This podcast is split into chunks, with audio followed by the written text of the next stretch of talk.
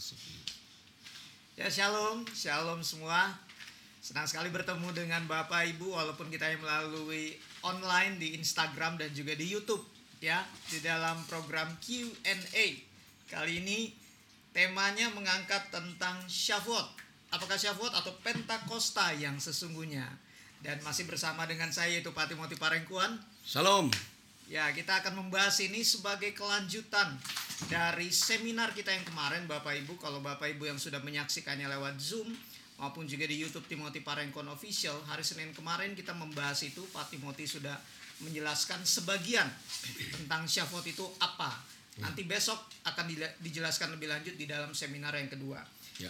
Nah, Bapak Ibu bisa juga bergabung bersama kami di YouTube Timothy Parengkon Official untuk memberikan tanggapan atau juga uh, apa namanya pertanyaan di sana selain di Instagram ini tetapi sayanya saya harus memberitahukan bahwa ini hanya waktunya dalam kurun waktu satu jam sesuai dengan waktunya Instagram jadi bapak ibu jangan lewatkan kesempatan ini kalau misalnya ada yang masih bingung tentang Syafot itu apa tentang Pentakosta itu apa e, karena ini hanya bukan bicara soal e, Roh Kudus saja tapi ada juga hal yang lain yang nanti akan dijelaskan oleh Pak Timothy di dalam Q&A kali ini.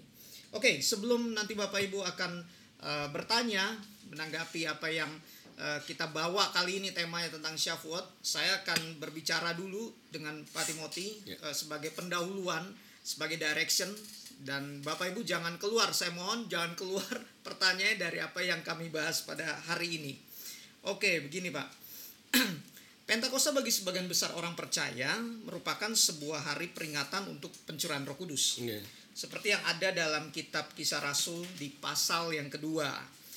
Manifestasi Roh Kudus yang bekerja melalui para rasul saat itu menjadi sebuah perbincangan di Yerusalem dan kemudian melahirkan sebuah gerakan kebangunan rohani pertama yang juga menjadi perhatian. Nah, ini yang menarik, menjadi perhatian para pemimpin Romawi saat itu, hmm. juga Sanhedrin, yaitu mahkamah agama Yahudi saat itu ya. Pentakosta memang selalu identik dengan Roh Kudus dan dengan semua manifestasinya dan kebangunan rohani. Tapi yang iya. menjadi pertanyaan sebagai apa yang sudah dijelaskan oleh Bapak waktu seminar yang lalu, eh, kira-kira sebenarnya nih apa sih sebenarnya Pentakosta atau Shavuot itu Pak? Mungkin bisa sebagai uh, pertama kita membahas ini untuk nanti akan lebih dalam lagi. Iya dan Pentakosta itu sendiri seperti di seminar yang baru lalu hmm. uh, yang saya bagikan itu adalah sebenarnya perayaan yang Tuhan berikan kepada orang Yahudi. Ya. ya. Kan uh, dari antara perayaan-perayaan ada tujuh perayaan, lalu tujuh perayaan itu di di di compile hanya menjadi tiga perayaan yang harus dirayakan setiap tahunnya. Dan Shavuot itu di tengah-tengah antara hmm. Paskah dan Pondok Daun atau Sukkot. Ya. Tengah-tengahnya Shavuot. Nah, hanya di uh, kitab Perjanjian Baru uh, memang tidak dipakai kata Shavuot tapi disebut Pentakosta. Jadi perayaan Pentakosta itu bukan sebuah perayaan baru ya. hmm. ya, tetapi itu sudah ada terlebih dahulu perayaan hmm. itu pada orang Yahudi. Ya. Jadi itu itu dia. Bagi orang Yahudi, orang Yahudi tidak pernah tahu itu adalah perayaan Pentakosta. Hmm. Pentakosta itu adalah diambil dari bahasa uh, Romawi penta ya, artinya 50. Nah, tapi orang Yahudi mengenalnya sebagai Shavuot. Ya. Itu saja. Ya, nah ini kan menarik nih Pak ya. Tadi kan Bapak bilang itu eh, apa namanya pernah dirayakan oleh bangsa Yahudi. Tepatnya itu kira-kira kapan itu Pak ya? Waktu mereka pertama kali merayakan Pentakostanya eh, bangsa Yahudi atau Shavuotnya itu. Iya. Jadi eh, karena itu perayaan sudah diset oleh Tuhan sendiri. Iya. Jadi itu adalah perayaan di mana pada waktu Musa naik ke atas Gunung Sinai hmm. dan Musa menerima uh, pewahyuan bagaimana Tuhan menciptakan alam hmm, semesta hmm, itu semuanya hmm, hmm, terjadi di Gunung Sinai. Ya, ya, Kemudian ya, ya. ketika Musa turun membawa dua loh itu, hmm. itulah yang disebut perayaan Shavuot bagi bangsa Israel. Jadi perayaan itu adalah memang perayaan yang Tuhan sudah atur. Setelah perayaan pertama yang namanya Pesak, kemudian perayaan yang kedua yang namanya Shavuot, itu berkenaan dengan uh, apa ya saya katakan Taurat Tuhan turun hmm. Taurat Tuhan turun itulah mereka sebut Shavuot nah itulah perayaan yang menjadi identitas dari bangsa Israel itu sendiri mereka sangat bangga karena di situ identitas bangsa Israel, identitas orang Yahudi baru memulai baru mulai di perayaan Shavuot ketika Musa turun membawa 10 perintah Tuhan. Karena itu perintah Tuhan itu hanya memang untuk bangsa Israel, untuk bangsa Yahudi. Gitu. Jadi kalau lihat lebih lebih jauh lagi eh, ya, kapan persisnya itu ada penghitungannya. Ada penghitungannya dari mulai perayaan yang pertama Pesak sampai menuju ke perayaan yang namanya Syabut itu ada ada perhitungannya, ada ayat-ayat yang mengatakan bahwa eh, seperti contoh di dalam Imamat 23 ayat 15 dalam surat Imamat 23 ayat 15 kemudian kamu harus menghitung mulai dari sesudah sabat itu yaitu waktu kamu membawa berkas persembahan unjukan jadi harus ada genap tujuh minggu. Jadi dihitung setelah perayaan roti tidak beragi atau perayaan paskah itu harus dihitung. Nah waktu dihitung nah baru jatuh pada eh, tujuh minggu sehari sesudahnya baru itu di menjadi sebuah perayaan eh, orang-orang Yahudi yang ke-50 makanya di dalam perjanjian baru di dalam bahasa Romawi hari ke-50 itu disebut penta. Karena penta itu artinya 50 nah jadi pada waktu hari yang ke-50 itu di situlah janji Tuhan eh, untuk roh Tuhan hadir di situ waktunya di hari yang ke-50. Makanya disebut orang Pentakosta. Oke, oke. Nah, sekarang ini mungkin jadi pertanyaan kali eh, di kalangan kita eh, orang Kristen saat ini. Katakanlah misalnya kita ambil nih perspektif memang eh, yang di perjanjian baru nih Pak ya, tentang pencurahan Roh Kudus Pentakostanya. Eh, peranan Roh Kudus sebenarnya apa ini Pak ya di dalam kehidupan orang percaya? Karena sering kali sering kali kita sudah merayakan Pentakosta kan kayaknya udah berapa kali gitu ya kalau Iya. kalau orang percaya tetapi sering kali kok kelihatannya masih banyak orang yang hanya memperhatikan bahwa eh, tentang karunia rohnya Iya. hanya memperhatikan tentang manifestasinya yang luar biasa gitu dan sepertinya juga tidak mengalami kuasa dari kehadiran Roh Kudus Ya. itu sebenarnya nih Persoalannya apa nih? persoalan gini. persoalannya gimana ya? Kalau kita lihat di dalam Alkitab itu eh, apa namanya perayaan kan saya tadi katakan perayaan Pentakosta itu ada hubungannya dengan perayaan orang Yahudi yang namanya Shavuot. Nah, jadi kalau orang-orang percaya atau orang-orang Kristen tidak mengalami, maka kenapa salah satu alasan yang paling kuat adalah karena putusnya hubungan Pentakosta di loteng Yerusalem itu dengan Pentakosta ketika Musa turun dengan membawa dua loh batu itu terputus. Jadi akhirnya eh, pengertian Pentakosta secara dalam itu tidak didapat oleh orang-orang percaya. Karena orang-orang percaya menerima Pentakosta itu hanya di peristiwa loteng Yerusalem. Padahal itu adalah kelanjutannya dan kita perlu tahu bahwa Yesus sendiri mati di kayu salib, Yesus menggenapi perayaan yang pertama loh. Betul. Jadi Yesus mati menggenapi perayaan pertama atau begini, perayaan pertama yang namanya Pesak itu adalah nubuatan dari kehadiran Yesus. Jadi Yesus mengena- menggenapi perayaan pertama Pesak. Lalu di hari yang ke-50 Roh Kudus menggenapi perayaan yang sesudahnya yaitu adalah Shavuot. Jadi ada keterkaitan itu. Nah, umumnya ya termasuk saya dulu juga sebagai orang percaya, orang Kristen, eh, taunya Pentakosta cuma hanya sampai di peristiwa loteng Yerusalem. Maka esensi daripada peng- pengertian Pentakosta itu sendiri jadi minim. Minim kita cuma taunya loteng Yerusalem. Iya, iya. Loteng Yerusalem, kita berdoa, Roh Kudus dicurahkan, kita penuh dengan bahasa roh, selesai sudah. Padahal tidak seperti itu, tidak sesederhana itu. Itu kalau kita lihat dari aslinya, itu sebuah perayaan, ya. sebuah eh, hari raya, perayaan. Karena sama dengan pasca, pasca itu juga a feast, sebuah perayaan. Jadi Shavuot juga sebuah perayaan. Tapi kalau kita lihat dalam kehidupan orang Kristen, Pentakosta itu rasanya bukan perayaan. Seharusnya menjadi perayaan. Ya, ya, Kalau namanya perayaan itu adalah sesuatu yang meriah, sesuatu yang luar biasa, sesuatu yang diselebrate. Jadi ada artinya. Kenapa itu disebut perayaan? Tapi apa yang terjadi dengan dengan orang Kristen eh, hari-hari ini? Ada beberapa eh, tertentu, kumpulan tertentu masih menyediakan waktu selama 10 hari. Tapi yang lain tidak sama sekali. Kenapa? Karena esensi dari Pentakosta itu sendiri yang adalah perayaan sudah terputus dari yang aslinya yang namanya Shavuot. Makanya kalau esensinya tidak dapat, ya itu dia. Manifestasinya juga tidak kuat.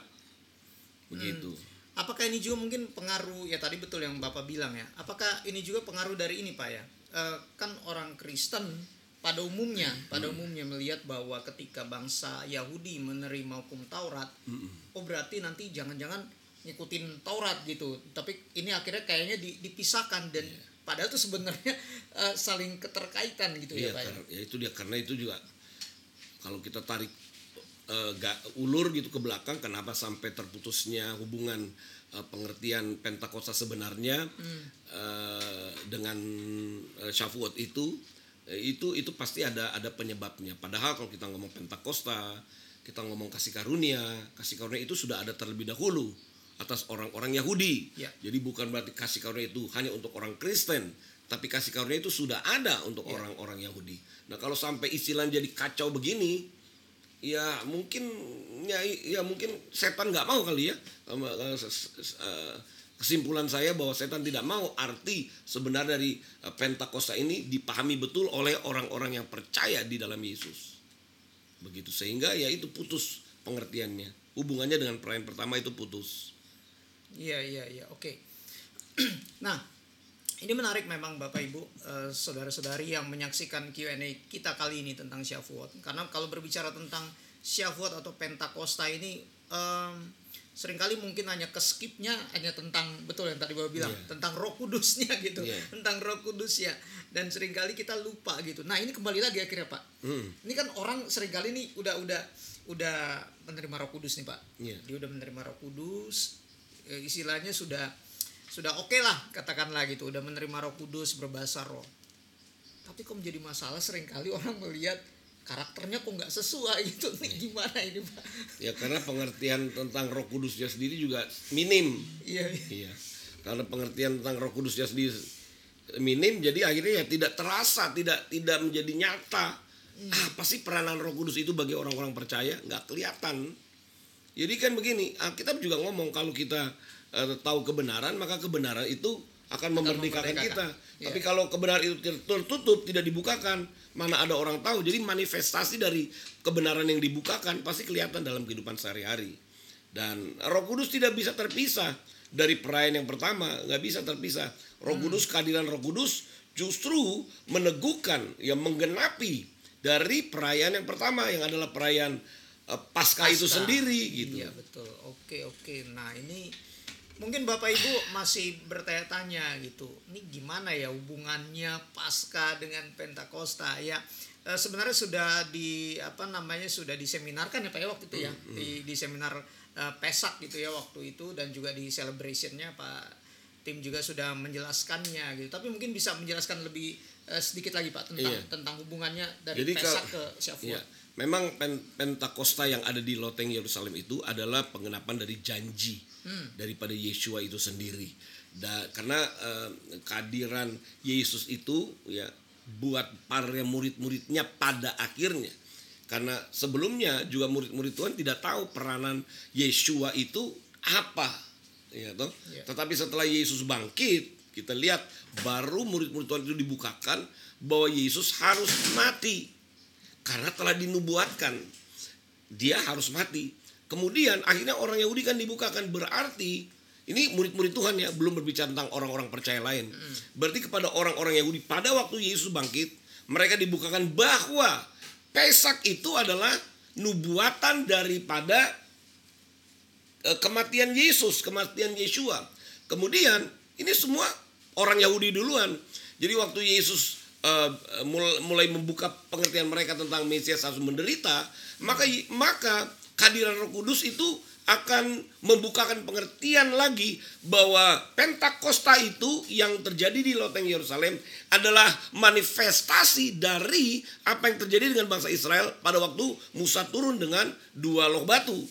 Karena begitu, kalau kita lihat eh, sebenarnya kalau di dalam format seminar saya bisa bukakan ayat-ayatnya bahwa Musa turun dari Gunung Sinai membawa dua loh batu itu dinyatakan menjadi perayaan Shavuot. Nah, ketika loteng Yerusalem peristiwa loteng Yerusalem itu terjadi, kita harus tahu loh di loteng Yerusalem itu cuma ada orang-orang Yahudi. Belum ada bangsa-bangsa lain. Iya. 120 murid-murid Tuhan yang bersama-sama dengan dia, yaitu orang-orang Yahudi. Jadi mereka terlebih dahulu harus ketika Roh Kudus turun di loteng Yerusalem, mereka dibukakan bahwa oh ini pengertian rohaninya dari apa yang mereka sudah alami ketika Musa turun membawa dua loh batu. Karena ya kalau kita lihat di ayat eh, kisah para rasul pasal yang kelima, ayat yang ke-32, kisah rasul 5 ayat 32 berkata begini, dan kami adalah saksi dari segala sesuatu itu. Ya. Kami dan Roh Kudus. Nah, Ya. yang dikur- yang dikaruniakan Elohim kepada semua orang yang mentaati Dia. Kalau kita lihat kisah Rasul 5 ayat 32 ini, kami yang dimaksud di sini adalah orang-orang Yahudi, murid-murid Tuhan. Ya. Kami adalah saksi. Saksi apa? Dari segala sesuatu itu. Apa itu segala sesuatunya? Cuma orang Yahudi kan yang tahu. Kalau dikatakan kami adalah saksi dari segala sesuatu itu, itu adalah dari apa yang ada pada orang Yahudi. Dari perayaan yang mereka rayakan Pesak, kemudian dari perayaan yang mereka rayakan berikutnya Shavuot dan kehadiran Roh Kudus di loteng Yerusalem itu, maka murid-murid dibukakan kan, oh ternyata ini toh penggenapan dari yang kita rayakan selama ini yang namanya Shavuot. Jadi akhirnya di situ dikatakan kami adalah saksi dari segala sesuatu itu. Kami dan Roh Kudus, karena Roh Kuduslah yang menyingkapkan perayaan yang dirayakan oleh orang Yahudi, perayaan Shavuot itu. Sehingga semua orang yang mentaati dia, siapa itu dia? Yeshua, akhirnya mengerti. Nah itu dia, itu pergerakan yang sangat luar biasa. Yang terjadi pada jemaat mula-mula. Nah putusnya pengertian ini untuk orang-orang percaya itu yang tidak membuat orang percaya betul-betul mengerti Pentakosta itu untuk apa ya? Roh Kudus hadir itu untuk apa ya? Eh, pada umumnya orang cuma tahu Roh Kudus itu supaya manusia dipenuhi dengan roh dan berbahasa roh. Sampai di situ. Kemudian menjadi saksi. Saksi apa? Bahwa saya sudah dipenuhi Roh Kudus. Saya berbahasa roh. Bukan itu maksudnya. Kalau kita lihat konteks dari kisah Rasul 5 ayat 32 tadi, saksi dari segala sesuatu bukan bersaksi dari bahasa rohnya. Tapi saksi dari apa? Dari apa yang sudah dialami orang Israel terlebih dahulu. Dari Paskah sampai kepada Shavuot. Mereka adalah saksi. Orang-orang Yahudi adalah saksi yang pertama. Ketika roh kudus turun, menyingkapkan semua yang sudah terjadi atas mereka. Sehingga ketika itu tergenapi di zaman itu, kan tepat. Pentakosta itu, kalau menurut perhitungan Yahudi, jatuhnya tepat. Jadi itu loteng Yerusalem, kisah para rasul awal-awal itu memang khusus buat orang Yahudi dulu. Kemudian barulah orang Yahudi itu di ketika Paulus bergabung dan mulai akhirnya semakin gencar untuk memberitakan kepada bangsa-bangsa di sekitarnya. Hmm, iya iya iya iya. Ya. Ini memang format eh, apa yang Pak Timi bagi ini adalah apa yang dibagikan waktu di seminar kemarin ya Bapak Ibu ya. Iya. Ini tapi dibikin pack gitu ya. Jadi saya berharap Bapak Ibu bisa memahaminya. Jadi eh, kita bisa melihat kegerakan pada waktu itu oleh karena pengertian itu Pak ya. Iya. Nggak cuma semata-mata menerima Roh Kudus berbahasa Ya, roh. kita harus tahu loh bahwa kegerakan itu jemaat mula-mula dimulai dari mana? Dari orang-orang Yahudi yang sudah punya pengalaman tentang perayaan-perayaan itu. Nah sekarang kalau kita lihat bagaimana kegerakan Tuhan akan terjadi lagi di hari-hari ini. Siapa yang memberitakannya? Orang-orang Yahudi itu yang menjadi rasul-rasul, mereka sudah mendelegasikan kepada yang sekarang orang-orang percaya yang disebut para pemimpin-pemimpin pergerakan. Seharusnya para pemimpin-pemimpin pergerakan itu sama, mereka harus memberitakan tentang Pentakosta itu sesuai dengan apa yang sudah dialami oleh orang Yahudi. Kalau enggak, ya bagaimana? Orang Yahudi yang menjadi pemberita Injil itu sudah ada pada waktu itu. Sekarang harus diestafetkan. Sekarang para pemimpin rohani yang bertanggung jawab untuk meneruskan apa yang sudah dialami. Maka itu pemimpin-pemimpin rohani, kalau mereka tidak terkoneksi dengan apa yang sudah dialami orang Yahudi, pasti putus pemahaman tentang Pentakostanya.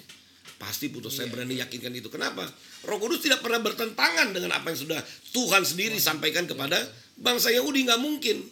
Jadi bagaimana kita bersaksi tentang Roh Kudus tanpa kita terkoneksi dengan peran-peran yang ada pada orang Yahudi? Apa yang mau disaksikan itu gimana? Mau bersaksi tentang Yesus, Yesus pun adalah manifestasi dari perayaan orang Yahudi yang pertama.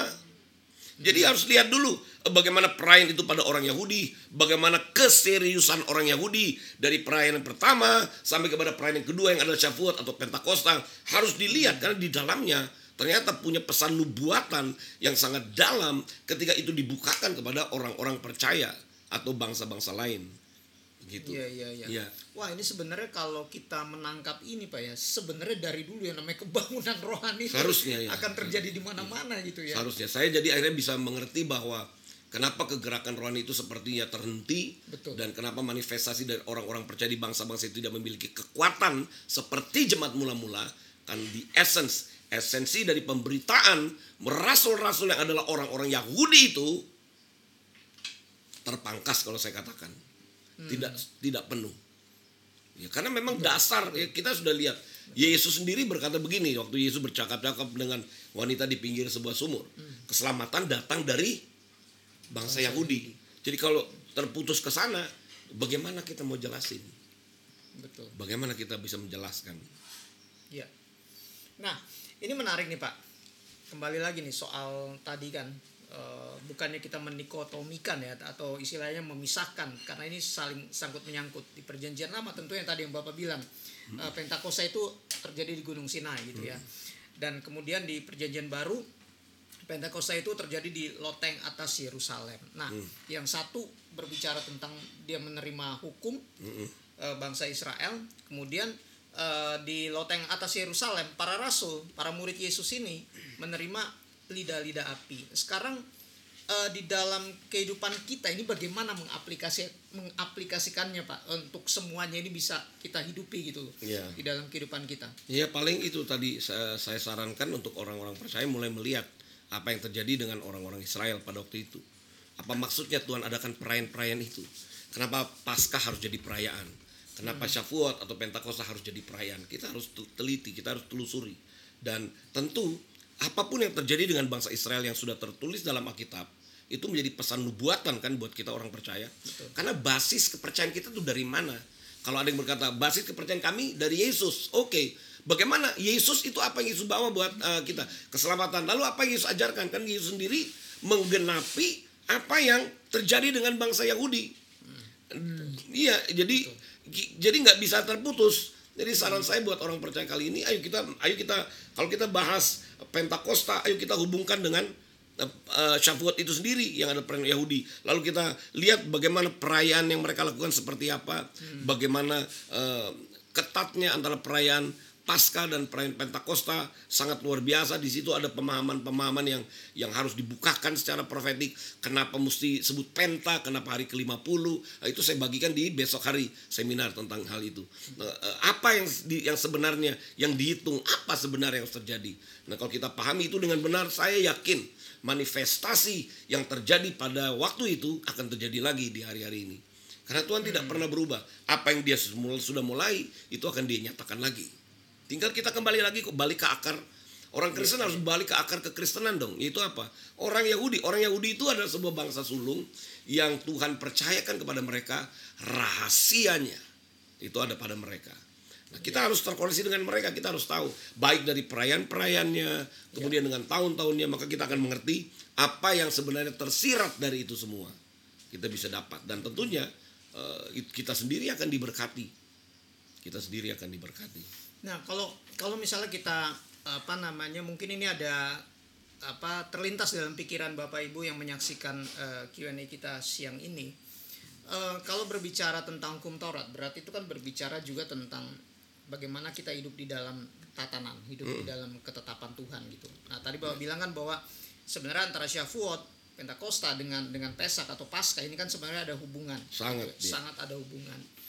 Berarti sebenarnya kalau atau jika kita memahami tentang hal ini tentang eh, eh, pesan yang pertama kali jatuh atas bangsa Israel melalui Syavuot yang Tuhan taruh kepada mereka kemudian Paskah sebenarnya kehidupan kita ketika kita mengalami penebusan Kristus kita berarti seharusnya ya Pak ya seharusnya kita tidak hidupnya main-main gitu tidak hidup sembarangan karena di situ ada ada ada tatanannya juga Iya, bisa iya. dikatakan begitu ya Pak ya Iya karena ya itu betul itu betul sekali.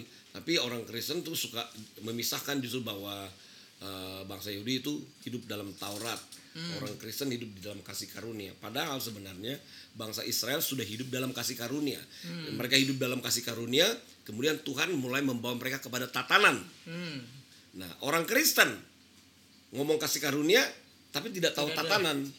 Iya. Kalau bangsa Yahudi itu mereka diberikan kasih karunia dari Pesak sampai tanah perjanjian. Itu kasih karunia. Lalu Tuhan berikan tatanan di situ sebagai apa? Sebagai identitas untuk bangsa itu. Nah, Hmm. kalau dipisah-pisahkan, oh Taurat itu perjanjian lama, kita hidup dalam kasih, kita hidup dalam kasih karunia. Maka lihat kehidupan kenyataan orang Kristen sekarang. Banyak yang tidak punya tatanannya.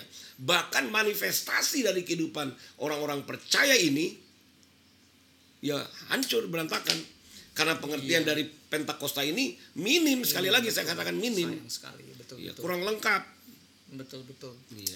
Wow, padahal sebenarnya kalau kita memahami hal ini aja ya, selain yang pasca kemarin pak ya, Iya. apalagi kita memahami tentang eh, makna dari syafot ini dengan benar di dalam segala kondisi yang sekarang yang kayak begini, kita sebenarnya akan tetap tetap semakin eh, kuat dan akan terus naik berjalan bersama Tuhan ya pak ya. betul Nah, eh, ini mungkin ada pertanyaan kali dari dari para yang pemirsa yang menyaksikan ini, Pak. Mengapa banyak orang percaya yang tadi yang seperti saya saya tanyakan gitu ya. Ketika dia hidup udah di dalam Roh Kudus, memang memang mungkin katakanlah yang tadi yang Bapak bilang dia belum belum ada dalam tatanan gitu ya. Hmm. Apakah mungkin karena itu juga pengaruh? Dia udah menerima Roh Kudus tapi hidupnya masih kacau masih nggak jelas gitu. Apakah itu juga pengaruh selain hanya bukan hanya dari pengajaran memang yang belum belum dibukakan ke situ tapi juga mungkin eh, dia bisa dikatakan perlu ada dalam satu komunitas dalam satu komunitas yang sehat. Betul ya pak ya? Harus harus. Harus da- dalam komunitas arti komunitas yang sehat itu adalah uh, satu komunitas yang menerima kebenaran ini dari alur cerita yang sebenarnya. Iya. Baru bisa disebut komunitas yang sehat. Kalau enggak gimana? Karena banyak orang menerima Roh Kudus cuma sampai di bahasa roh tapi tidak bisa memanifestasikan yang namanya buah roh itu sendiri tidak ada. Kenapa? karena cuman berpikir bahwa Pentakosta hanya seperti hanya sebatas bahasa roh yang dicurahkan. Nah, bahasa roh itu dicurahkan pada kalau kita lihat di eh, jemaat mula-mula bahasa roh itu dicurahkan untuk membuktikan kepada bangsa-bangsa yang berbeda-beda bahasanya bahwa ini semua adalah karya Tuhan yang Maha Kuasa yang mau menerjemahkan kepada segala bangsa, mau menerjemahkan kepada segala bahasa. Siapakah Tuhan itu? Siapakah Tuhan yang maha besar? Tuhan yang mempunyai rancangan, Tuhan yang tidak pernah gagal dalam rancangannya, Tuhan yang menebus. Jadi kehadiran Roh Kudus itu mampu menerjemahkan kepada bahasa-bahasa yang lain. Di zaman itu ketika Roh Kudus memenuhi eh, 120 orang, tiba-tiba mereka bisa berbicara apa itu? Kan ada di dalam di Alkitab dikatakan. Berbicara bahasa dengan bahasa-bahasa lain bahasa-bahasa lain. Jadi kenapa orang lain dari bangsa-bangsa yang lewat di situ tiba-tiba bisa mengerti? Ada pesan apa? Untuk memberitahu kepada bangsa-bangsa lain, ada Tuhan yang menebus. Ada Tuhan yang melihat. Ada Tuhan yang mau memulihkan. Ada Tuhan yang membawa kita keluar daripada lingkaran dosa. Itu bahasa roh itu originalnya itu adalah yang begitu. Yang begitu. Ya sekarang jujur dengan segala kekayaan yang seharusnya dimanifestasikan oleh Roh Kudus, timbul pertanyaan baru. Kalau Roh Kudus yang ada pada waktu itu, ya, dengan karyanya dia yang luar biasa, sehingga membuat akhirnya bangsa-bangsa bisa mendengar pesan itu. Bagaimana dengan Roh Kudus yang sekarang? Kenapa Roh Kudus yang sekarang sepertinya hanya seperti sebuah bahasa yang tidak dipahami? Padahal di zaman itu, ya bahasa roh itu adalah bahasa yang tidak dipahami, tapi juga Roh Kudus memanifestasikan dengan bahasa yang dapat dipahami oleh bahasa-bahasa lain gitu. Kenapa? Ada pertanyaan besar dong kita bisa lihat di sini. Jawabannya adalah itu karena orang-orang Yahudi sudah mengalaminya. Mereka dan bagaimana mereka menerjemahkan kepada bangsa-bangsa lain. Ya. Hanya Roh Kudus yang mampu menerjemahkan kepada bangsa-bangsa lain bahwa apa yang dialami oleh orang Yahudi itu benar-benar membawa setiap orang percaya nantinya masuk kepada karya penebusan yang sama dan akhirnya orang-orang yang menerima Yesus sebagai Tuhan mereka pun akan dibangun di dalam sebuah tatanan yang menghasilkan apa identitas pada akhirnya ya seperti Iya, itu Iya, iya. Wow. ya, eh, bisa dikatakan berarti begini ya Pak ya. Yang tadi yang eh, Bapak juga katakan eh, ketika kita kita ketika kita menerima eh, karya Roh Kudus itu, ya berarti tadi kan seperti yang Bapak kutip tuh dari Kisah Rasul 5 ayat 32. Berarti sebenarnya dengan kehadiran Roh Kudus sadar atau tidak dan itu seharusnya kita sebenarnya dipanggil untuk menjadi kesaksian, membawa kesaksian bagi banyak orang ya Pak ya. Ya, iya, betul. Seperti yang Bapak katakan tadi di- ketika eh, apa para rasul digapi oleh lidah-lidah api itu mereka akhirnya membawa kesaksian itu gitu Iya. dengan dengan dengan bahasa-bahasa yang baru yang dapat dimengerti. Ya. Nah, ini memang menjadi menarik karena eh, di era yang begitu canggih saat ini, Pak. Sepertinya gitu, sepertinya hal-hal yang di dalam Alkitab, di dalam eh, firman Tuhan itu sepertinya kayak menjadi sebuah yang old fashion gitu kayaknya. Jadi sesuatu yang yang kayaknya lama gitu, kayaknya kayaknya udah basi gitu karena sering kali orang-orang akhirnya berpikir, wah, ini kayaknya nggak perlu lah, nggak perlu mungkin bahasa roh. Malah pernah kejadian itu eh, bahasa roh diperdebatkan waktu itu saya tahu tuh pernah diperdebatkan di kalangan eh, orang percaya gitu Ya, sangat itu dia. disayangkan Kenapa sangat sampai disayangkan. iya, kenapa sampai bahasa roh itu diperdebatkan? Tuh jemaat mula-mula nggak ada masalah. nggak ada masalah. Hmm. Yang pertama-tama menerima bahasa roh itu ingat loh orang Yahudi. Sehingga waktu orang Yahudi menyampaikan pesan tentang penebusan, Tuhan meneguhkan mereka dengan tanda-tanda. Sehingga Hmm. apa? Bahasa roh tidak diperdebatkan di situ. Ya sudah, bah- bahkan Rasul Paulus bilang, kamu mau penuh dengan bahasa roh? Yes, aku mau supaya kamu semua penuh dengan bahasa roh. Tidak ada perdebatan. Kenapa? Ada proofnya. Hmm. Ada buktinya. Ah, coba kita sekarang, kenapa kita lihat sekarang bahasa roh jadi diperdebatkan? Masalahnya tuh begini. Orang-orang yang katanya dalam tanda petik dipenuhi roh kudus, proofnya mana? Ya. Akhirnya jadi perdebatan. Ah, dia bahasa roh kayak gitu hidupnya juga ngawur. Jadi ya diperdebatkan. Padahal jemaat mula-mula tidak perlu diperdebatkan. Karena apa? Tuhan meneguhkan dengan kesaksian. Hmm. Sekarang mana orang dipenuhi roh kudus? Diteguhkan nggak dengan kesaksian? Kenapa tidak? Seharusnya kan sama. Ya. Berarti ada sesuatu yang miss. Karena roh kudus tidak pernah bertentangan dengan kebenaran. Justru ketika kebenaran itu dibukakan, roh kuduslah yang akan juga meneguhkan kesaksian dari kebenaran yang dibukakan itu. Ya. Itu maksudnya ya. Betul. Nah, ini mungkin ada beberapa hal yang yang sering kali kita miss. Ini Pak, Eh, ini masih belum ada yang bertanya tidak Pak. Tapi kita menjelaskan gini. eh, ada beberapa hal yang mungkin ini eh, kita tidak melihatnya, tapi ini sebenarnya ada berhubungan. Begini Pak, Eh, para rasul itu kan mereka yang sudah bersama-sama dengan Yesus. Even ketika ada satu ayat di dalam kita kisah Rasul 2 ya, kisah Rasul 2. Saya lupa di ayat yang keberapa, ketika Yudas yang sudah mati kemudian mau diganti, mereka minta Tuhan gitu tuntun siapa orangnya.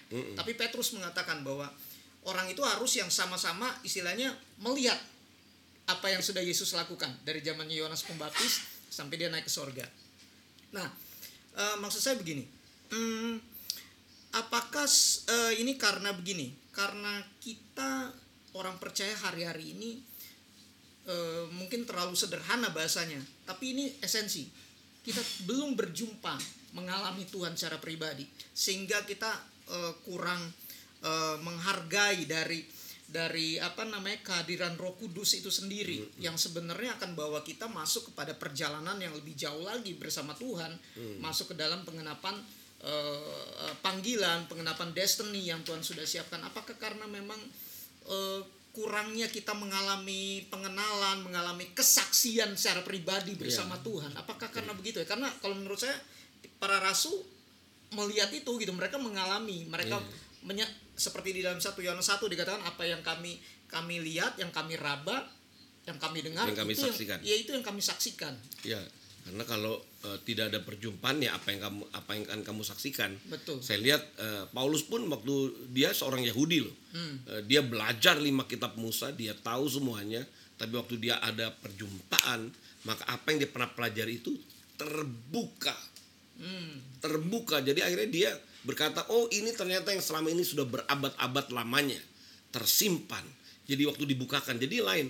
Kalau kita betul-betul mengalami perjumpaan dengan Tuhan, saya percaya orang-orang yang mengalami perjumpaan dengan Tuhan itu akan timbul satu kehausan untuk mengerti kebenaran dan pasti Tuhan bukakan kebenaran kalau dia betul-betul punya perjumpaan. Tapi kalau dia cuma sekedar aktivis gereja, bilang perjumpaan karena dapat jadwal pelayanan, terus bilang perjumpaan, lalu tidak terbukti dalam kehidupannya, tidak terbukti dalam manifestasi hidupnya, saya ragu apa itu perjumpaan. Jangan-jangan memang karena memang eh, latar belakangnya keturunannya Kristen, dari orang tuanya pendeta, lalu masuk dalam pelayanan, pasti jadinya berbeda. Jadinya berbeda.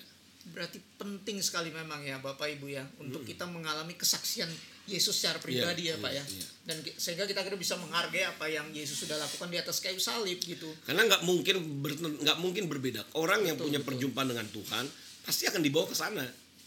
Nggak mungkin punya perjumpaan dengan Tuhan tapi di- tidak dibawa kepada apa yang sudah terjadi dengan bangsa Israel.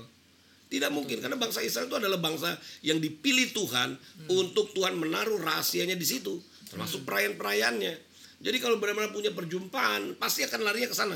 Perjumpaan itu akan menghasilkan orang-orang yang yang berjumpa dengan Tuhan dibawa kepada pengertian apa yang sudah terjadi dengan orang Israel lewat Ya. perayaan-perayaan mereka. Udah pasti. Roh Kudus pun yang yang hadir tidak mungkin bertentangan karena kita lihat kan di kisah Rasul 5 Roh Kudus cu- dicurahkan itu mata rohani mata hati rohani mereka dibukakan sehingga murid-murid Tuhan yang adalah orang Yahudi bisa berkata kami dan Roh Kudus adalah saksi dari segala sesuatu, saksi dari semuanya yang pernah terjadi. Jadi Roh Kudus mengkonfirmasi kesaksian mereka, apa yang sudah terjadi dengan mereka itu secara alamiah sekarang dibukakan secara rohania supaya bangsa-bangsa lain juga bisa mengalami hal yang sama. Wow. Ya, ya, Iya. betul betul betul. Wah, ini sebenarnya luar biasa kalau kita menghargai aja kehadiran Roh Kudus ya Pak ya. Kita Menghargai itu esensinya tentang Syafuat ini. Waduh, itu kabar baik bisa sampai ke mana-mana itu. Kabar Iya. baik akan kita terus beritakan. Oke, ini ada pertanyaan nih Pak. dari IG nih, dari IG, dari Iya. IG-nya kita, Dapur Cantik Emma ini. Iya. Mengapa orang-orang percaya pada umumnya hanya mengenal syafuat dari peristiwa loteng atas. Apakah hal tersebut merupakan ya ini ya, merupakan manifestasi dari roh antisemit yang bergerak. Kemudian apakah yang harus dilakukan oleh gereja atau umat Tuhan untuk dapat memahami syafuat secara dalam? Mereka harus membuka hati, mereka harus melihat bangsa Israel sebagai bangsa yang Tuhan pilih untuk Tuhan menyatakan isi hatinya, untuk Tuhan menyatakan misterinya. Seperti Paulus katakan, itu rahasia yang tersimpan selama berabad-abad. Sekarang dinyatakan dalam Kristus. Berarti apa? Orang-orang ini harus lihat apa yang terjadi dengan bangsa Israel kemudian minta supaya Tuhan membukakan apa arti semua itu dari perayaan-perayaan itu. Pasti mereka akan mengerti perayaan Shavuot itu seperti apa. Iya, iya. Tapi iya. kalau sudah ada orang-orang yang memang kan saya juga nggak tahu. Saya sih kalau saya melihat begini ya, setan tidak mau kalau kebenaran itu dibukakan, Dibukakan. secara penuh. betul. Ya setan tidak mau karena Betul. kalau kebenaran itu betul-betul diterima atau dibukakan ya, pada orang percaya, habislah ruang gerak. Karena kita bilang bahwa penyesatan itu ada. Jadi setan berusaha mau mengaburkan juga ada gitu. Supaya esensi dari apa yang Tuhan lakukan dengan bangsa Israel lewat peran-peran mereka itu supaya tetap eh, kalau eh, tertutup yang diperbuat oleh si musuh itu. Tetapi kalau itu dibukakan berarti apa? Ruang gerak si musuh kan habis. Iya. Kita bisa lihat kok manifestasi dengan jemaat mula-mula Iya. dicatatkan terbukti dalam kisah para rasul. Siapa yang bisa menahan mereka? Nggak ada. Revival jalan terus. Every day setiap hari mereka kumpul bersama. Dan kita lihat pertumbuhan mereka sangat fantastis pada waktu itu. Nggak ada yang bisa tahan. Sampai mampu ya menjadi viral untuk eh, gubernur bangsa Romawi, pemerintahan Romawi. Pemerintahan Romawi sampai ketakutan. Jangan-jangan orang-orang ini bisa menggulingkan pemerintahan Romawi. Padahal mereka orang-orang sederhana. Itu beritanya sampai gempar terdengar ke mana-mana. Dan nggak bisa ditahan. Mau coba dipenjarakan keluar lagi. Nggak bisa, nggak bisa di. eh, itu bukti dari Pentakosta yang sebenarnya terjadi. Ya kenapa? Karena dimulai dari orang-orang Yahudi sendiri ketika dibukakan dari apa yang mereka sudah alami secara alamiah. Ternyata itu mempunyai pesan untuk rohania, secara rohania. Jadi tidak bisa dibendung pergerakan itu. Seharusnya sebelum Yesus datang kembali, kembali kepada esensi yang ada pada jemaat mula-mula. Begitu. Iya, betul. Ya ini menjadi catatan di bold tadi ya. Dari apa yang alamiah menjadi rohania sehingga kita mendapatkan esensinya. Oke, ini dari IG lagi nih, Pak. Jonathan Erwin, apakah peran Roh Kudus yang membukakan kebenaran yang ada di dalam Yesus yang membuat hidup jemaat mula-mula tidak berkekurangan? Seperti tertulis dalam Kisah Rasul 4 ayat 34. Iya kan saya tadi kan saya sudah katakan di seminar saya juga sudah katakan bahwa apa yang terjadi dengan bangsa Israel itu adalah yang alamiah. Karena dikatakan dalam Korintus yang mula-mula itu adalah yang alamiah, baru yang rohania. Sekarang kita lihat kalau yang alamiah saja pemeliharaan Tuhan Yes. sejak mereka keluar dari per- dari Mesir sampai ke tanah perjanjian tidak berkekurangan. Iya. Apalagi secara rohania. Dan apa yang terjadi dalam kisah para rasul? Betul kan tergenapi kan?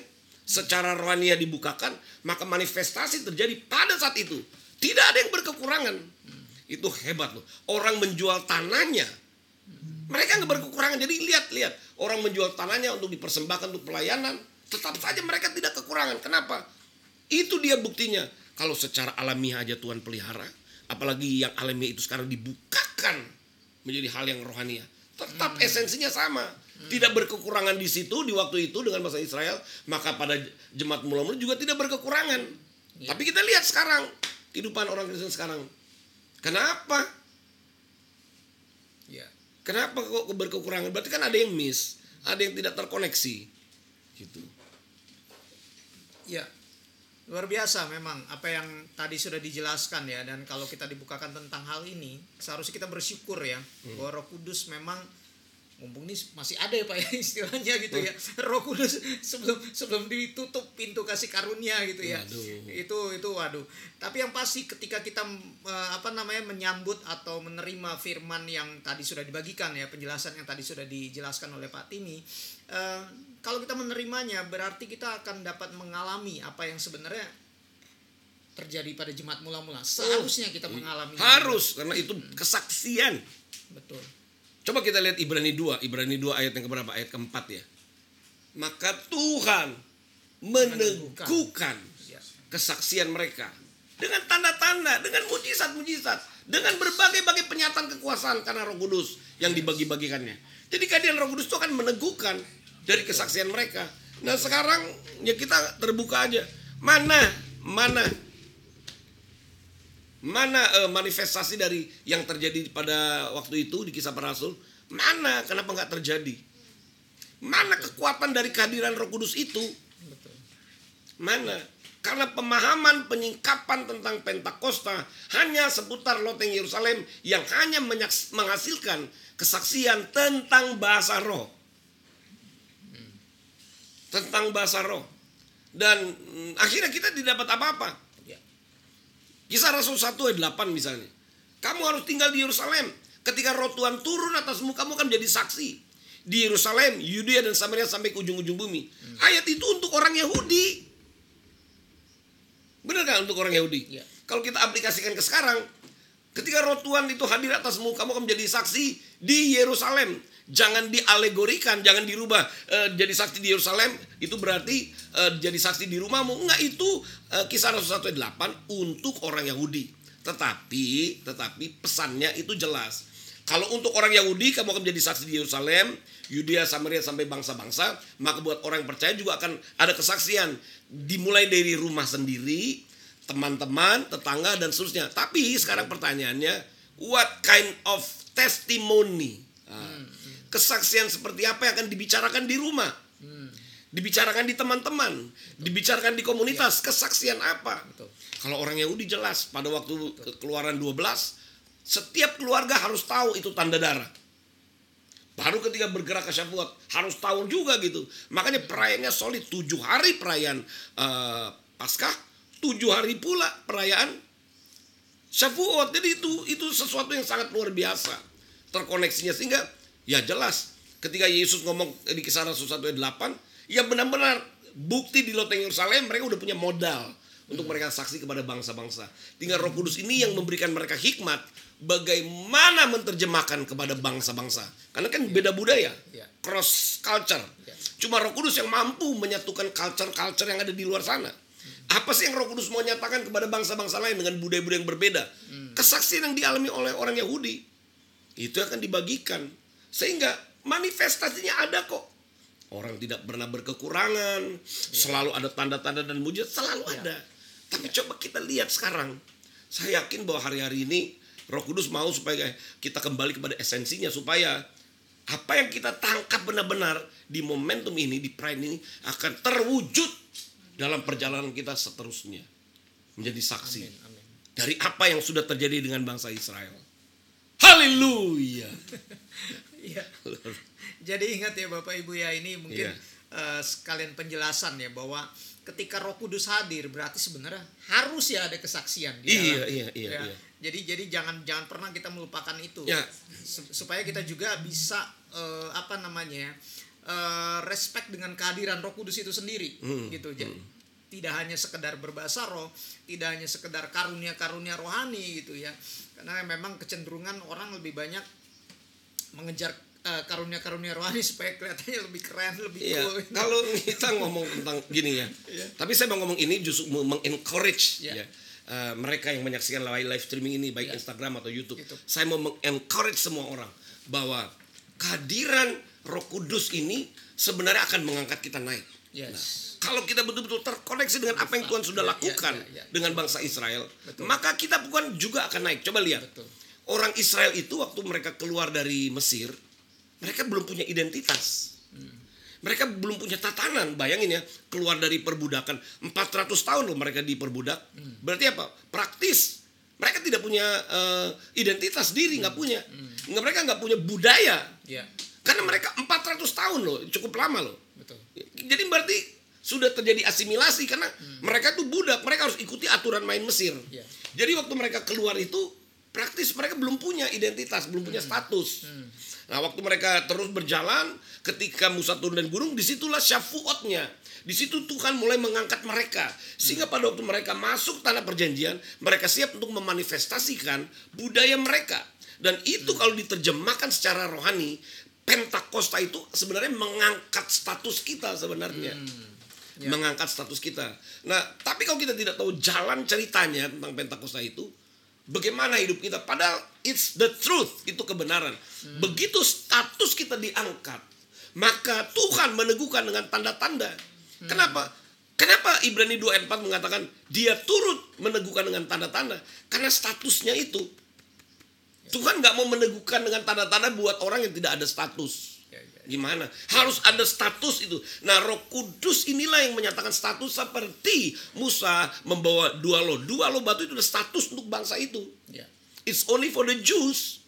The Ten Commandment is only for the Jews. It's their status. Itu adalah status mereka. Kita gimana? Kita juga ada. Makanya kalau kita tidak pahami ini, kita nggak tahu. Apalagi berhubungan dengan karunia-karunia roh. Karunia-karunia roh itu apa? Apa sih karunia-karunia roh? Sembilan karunia roh. Apa itu maksudnya? Mau dibawa ke mana? Saya saya mau kasih tahu begini. Karunia-karunia roh tidak akan pernah bertentangan dengan apa yang terjadi dengan bangsa Israel. Karunia apa itu? Apa? Misal coba sebut salah satu karunia, karunia Roh Kudus. Eh, bernubuat misalnya. Karunia bernubuat. Kalau karunia bernubuat, nubuatan apa yang akan disampaikan? Karena nubuatan yang punya bobot seperti ap- eh, kan nubuat itu juga termasuk revelation ya. Ketika ada orang yang bernubuat, kalau orang jadi begini, kalau pribadi orang ini betul-betul tebal pemahamannya tentang apa yang Tuhan nyatakan kepada bangsa Israel, maka bobot dari nubuatan juga itu akan kuat. Hmm. Ya. Ya. Ya, jadi akhirnya dampak dari kehidupan orang percaya itu akan terjadi lagi seperti pada waktu itu. Kalau sekarang kan enggak. Orang menerjemahkan nubuatan, nubuatan apa? Besok lu dapat jodoh, besok bisnismu lancar. Itu menurut saya sih bukan begitu. Lain, lain, lain. Bobotnya jadinya lain. Bobotnya jadi lain. Ya. Ya. Nah ini ada pertanyaan nih Pak Ya. dari YouTube nih, Bapak Sony Setiawan. Ya, Karakter buah roh apakah instan ada dalam kita ketika dipenuhi Roh Kudus atau berproses step by step? ya. Pak Sony Setiawan kalau berbicara tentang karak- karakter ka- karakter buah roh itu itu kan berbicara status. Nah, orang yang betul-betul jadi harus tergantung dari kerinduan seseorang. Eh, tidak ada yang instan memang. Saya mau katakan tidak ada yang instan. Tetapi Roh Kudus itu akan membawa kita kepada seluruh kebenaran. Kan Yesus ngomong, kalau Roh Kudus datang yang adalah Roh kebenaran, dia akan membawa kamu ke dalam seluruh kebenaran. Di dalam seluruh kebenaran, tadi saya katakan manifestasinya kan status. Ya. Nah, status itu kan harus dicetak. Harus dijadikan. Ya, tidak bisa instan.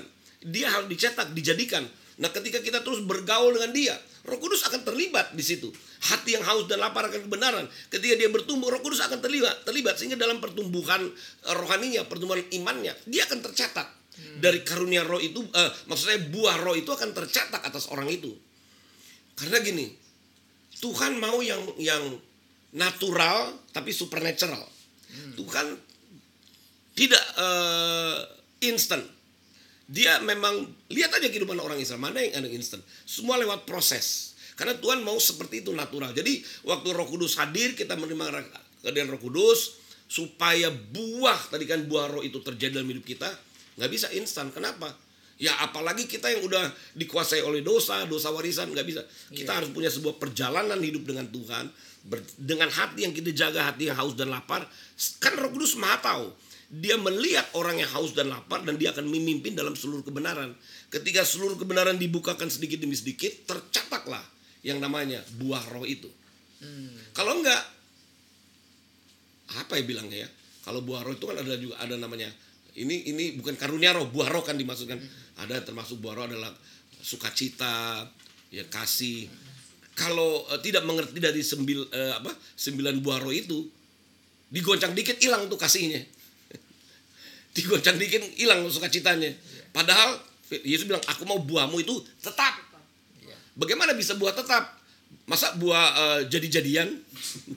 Buah kasih begitu ada goncang kan? Gue sebel sama lu. Berarti itu buah jadi-jadian sukacita jadi-jadian gitu. damai sejahtera jadi-jadian. Pas lagi dapat angpau dia damai sejahtera. Begitu nggak dapat angpau dia nggak damai sejahtera. Berarti wah itu bukan buah roh itu buah jadi-jadian.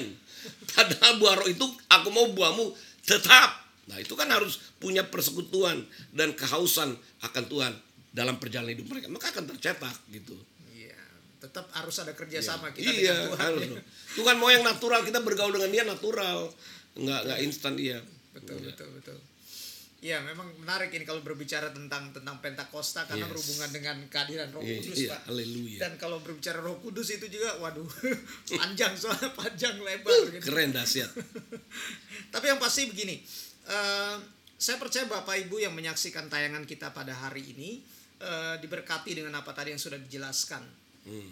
Poinnya adalah yang tadi sudah sudah banyak beberapa hal yang tadi sudah dijelaskan oleh Pak Tim ya bahwa kita sendiri yang harus eh, apa namanya juga memiliki kausan dan kita juga yang yang akan menerima gitu, menerima kehadiran dia ketika dia Iya. hadir, maka dia sebenarnya akan bawa kita kepada pengalaman-pengalaman yang luar biasa dahsyat, sebenarnya iya.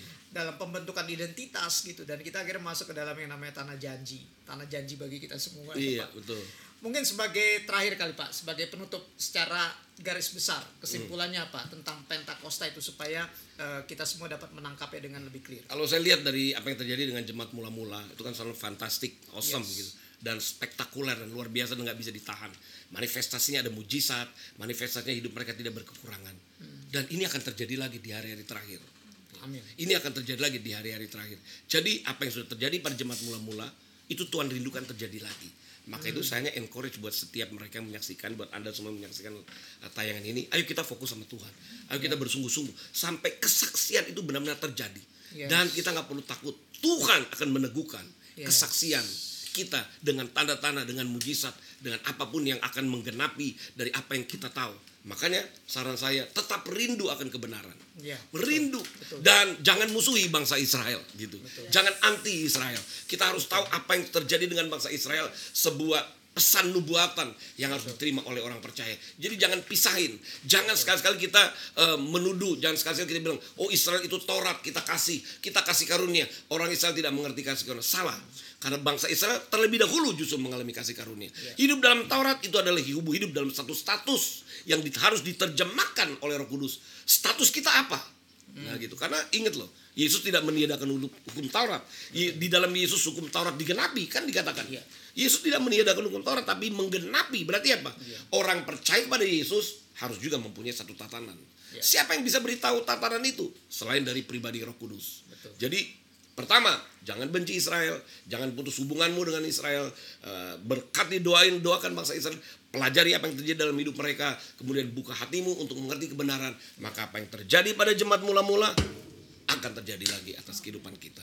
yes Amin. Amin, amin, Uh. haleluya. Oke, demikianlah program Q&A kita kali ini yang bertemakan tentang Shavuot ya Bapak Ibu. Ya. Eh, jangan lupa untuk tetap terkoneksi dengan kami, khususnya besok kita akan mengadakan yang namanya seminar via Zoom meeting di tanggal berapa? Tanggal besok tanggal 13, tanggal 13 Mei ya. ID-nya perlu dikasih tahu. tanggal 13 Mei. ID-nya ID-nya ada di 5781 578113 ya nanti bisa lihat Zoom, juga di ya di Zoom. Di Bapak Ibu bisa bergabung besok di Zoom meeting jam 5 sore. Ya jangan lupa jam 5 sore atau mungkin juga yang kepingin ngelihatnya hanya melalui YouTube silakan gitu ya. Nanti Bapak Ibu bisa melihatnya di review lagi di situ. Dan juga eh, segala program-program kami nanti di tanggal 17 apalagi tanggal 17 Mei kita akan ada Shavuot Celebration. Yes. Tetap ada di dalam YouTube Timothy Parengkon Official. Jangan lupa untuk klik loncengnya karena kita akan menyiarkannya juga di situ di tanggal 17 Mei. Oke, demikianlah program Q&A kita kali ini sampai ketemu lagi di dalam program Q&A berikutnya. Tuhan Yesus memberkati. God bless.